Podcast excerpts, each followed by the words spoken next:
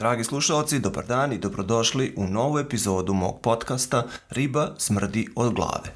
Danas pričamo o korištenju socijalnih mreža u mojim kompanijama i o tome kako sam ja ovisnik o socijalnim mrežama.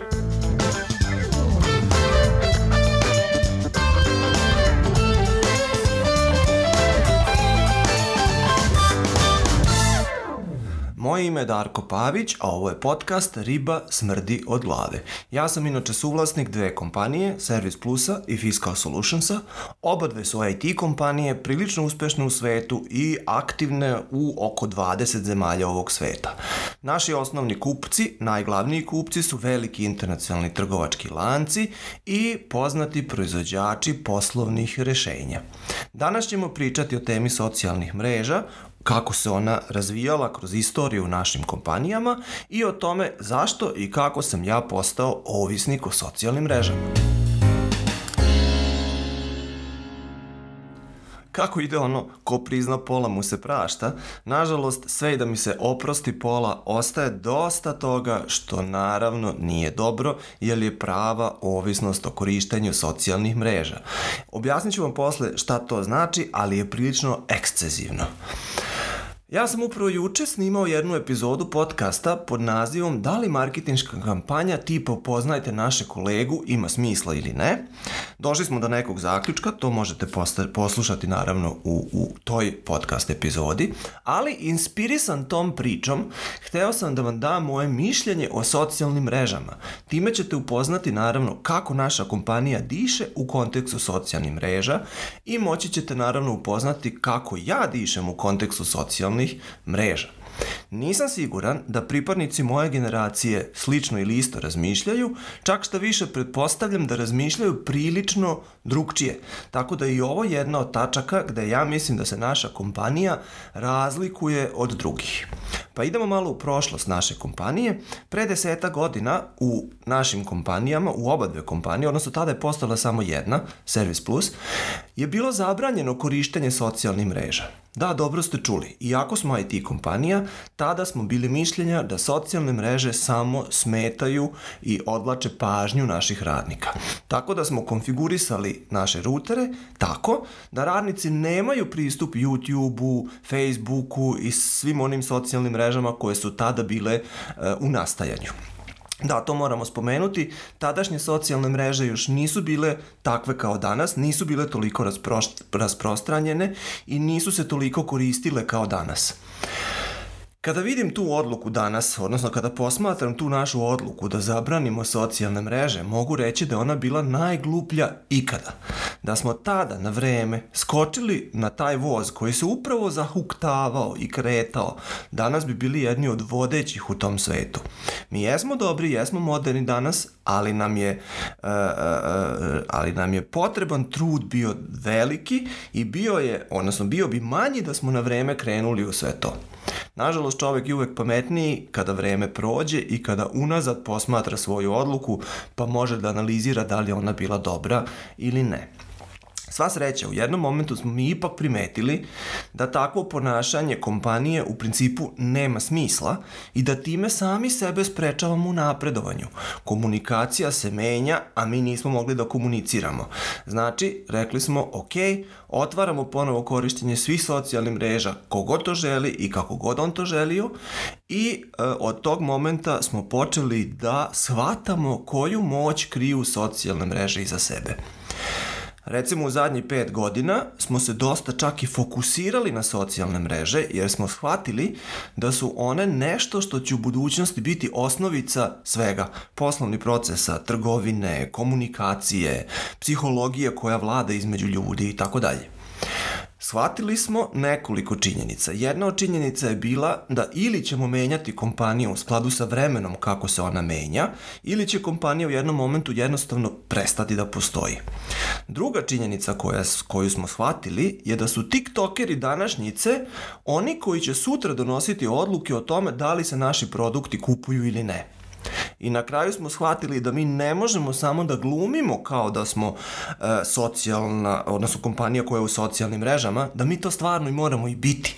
Zato što se ta gluma jako, jako brzo raskrinka, jako brzo vidi i onda nastane u principu čak i negativan efekat. Time je nama bilo jasno da se moramo transformisati. Isto tako nam je jasno od samog početka da svaka transformacija kompanije počinje od transformacije menadžmenta uh, ili, drugim rečima, nemoguće transformisati kompaniju ako se prvo nije transformisao menadžment. Iz tog razloga sam ja krenuo da istražujem socijalne mreže i da se bavim socijalnim mrežama. Hteo sam da razumem kako one funkcionišu i da prepoznam kuda će se sve to razvijati u budućnosti, odnosno šta mi tu u današnjici možemo da iskoristimo za naš posao. Krenuo sam tada sa Facebookom, izgradio sam svoj profil. Taj profil danas ima 1900 prijatelja, što nije loše. Kao sledeći korak sam izgradio e, stranicu, Facebook stranicu i ona danas ima oko 4000 članova odnosno fanova.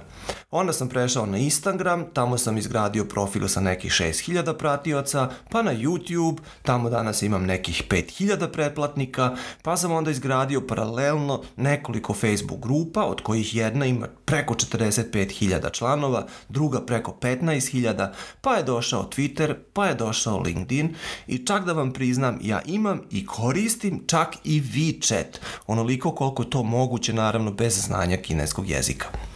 Drugim rečima, ja sam danas gotovo na svim socijalnim mrežama prisutan i aktivan u većini slučajeva.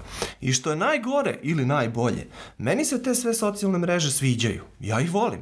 Ja volim šta one čine, ja volim način na koji oni kom, koju, koju vrstu komunikacije oni stvar, one stvaraju i meni se to jednostavno sviđa tako da ja dnevno provedem i po nekoliko sati na socijalnim mrežama. Dobro ste čuli, i po nekoliko sati. Definitivno sam postao ovisnik o socijalnim mrežama i verovatno ni ne mogu više bez njih. Nisam testirao, nisam probao šta bi se dogodilo kad bi neko vreme ne koristio ili odustao od socijalnih mreža, ali verovatno bi bilo ko kad uh, nekom ovisniku uzme dro drogu i, i, i jednostavno mu je ne date više. Verovatno je ista stvar. Istovremeno, mislim da sam prepoznao njihovu poslovnu moć, a COVID je u zadnje vreme samo povećao tu moć i čak ubrzao stvaranje nekih novih socijalnih mreža ili, ili funkcija nekih socijalnih mreža. Tako je nastao recimo Clubhouse ili ta funkcija e, načina komunikacije koja je onda postala deo i postojećih socijalnih mreža kao što je Facebook, Twitter i tako dalje. E, zbog toga gde sam ja u momentu u smislu ovisnosti o socijalnim mrežama, nemam problema s tim ni da mi deca provedu po čitave dane na TikToku ili na YouTubeu ili ne znam nija gde. Ja jednostavno mislim da je to proces promene ovog društva koji je nezaustavljiv i mislim da svako ko se bori protiv toga je kao da se bori protiv uvođenja parne mašine koje je upravo izmišljenja. Naravno da postoje protuargumenti kako socijalne mreže loše utiču na psihu ljudi, e, kako se ljudi zastranjuju time što koriste socijalne mreže, postaju nesocijalne i tako dalje. Puno njih je naravno naučno, dokazano, objavljeno i tako dalje. Sve je to okej. Okay. Ali Ljudi moji, svet se menja, a ako pogledamo malo prošlost, postojale su raznorazne etape i raznorazne inovacije koje su menjale svet. Setimo se nastanka ili izuma televizora, parne mašine i tako dalje. U onom momentu kad se parna mašina uvodila, odnosno kad je nastala, svi su bili protiv tog đavoljeg dela, koje naravno ništa ne valja a potom je izazvana revolucija kroz to. Znači, po mom mišljenju, način komunikacije se totalno promenuo, međuljudski odnosi su se totalno promenuli, vrednosti u društvu se menjaju ili su se već promenuli i mnoge druge stvari su u procesu promene, a socijalne mreže su važan deo tih promena. Po mom mišljenju je najgluplje suprotstaviti se ili ignorisati i čak suprotstaviti se tim promenama, jer na kraju niko od nas nema u principu uticaja na to. One će se dogoditi s tobom ili bez tebe. Priznajem, ova tema je prilično kontraverzna i kad pričam sa mojim prijateljima i poznanicima, postoje razno razna mišljenja i nekad nastane diskusija koja je prilično emotivna, recimo to tako. Ali ja ovako mislim, priznajem, jesam ovisnik i mislim da je to nerazdeljiv deo današnjeg života. Nadam se da vam se svidela tema. Bilo bi mi jako drago da se slušamo i u nekoj od sledećih podcast epizoda. Želim vam sve najbolje i lep pozdrav!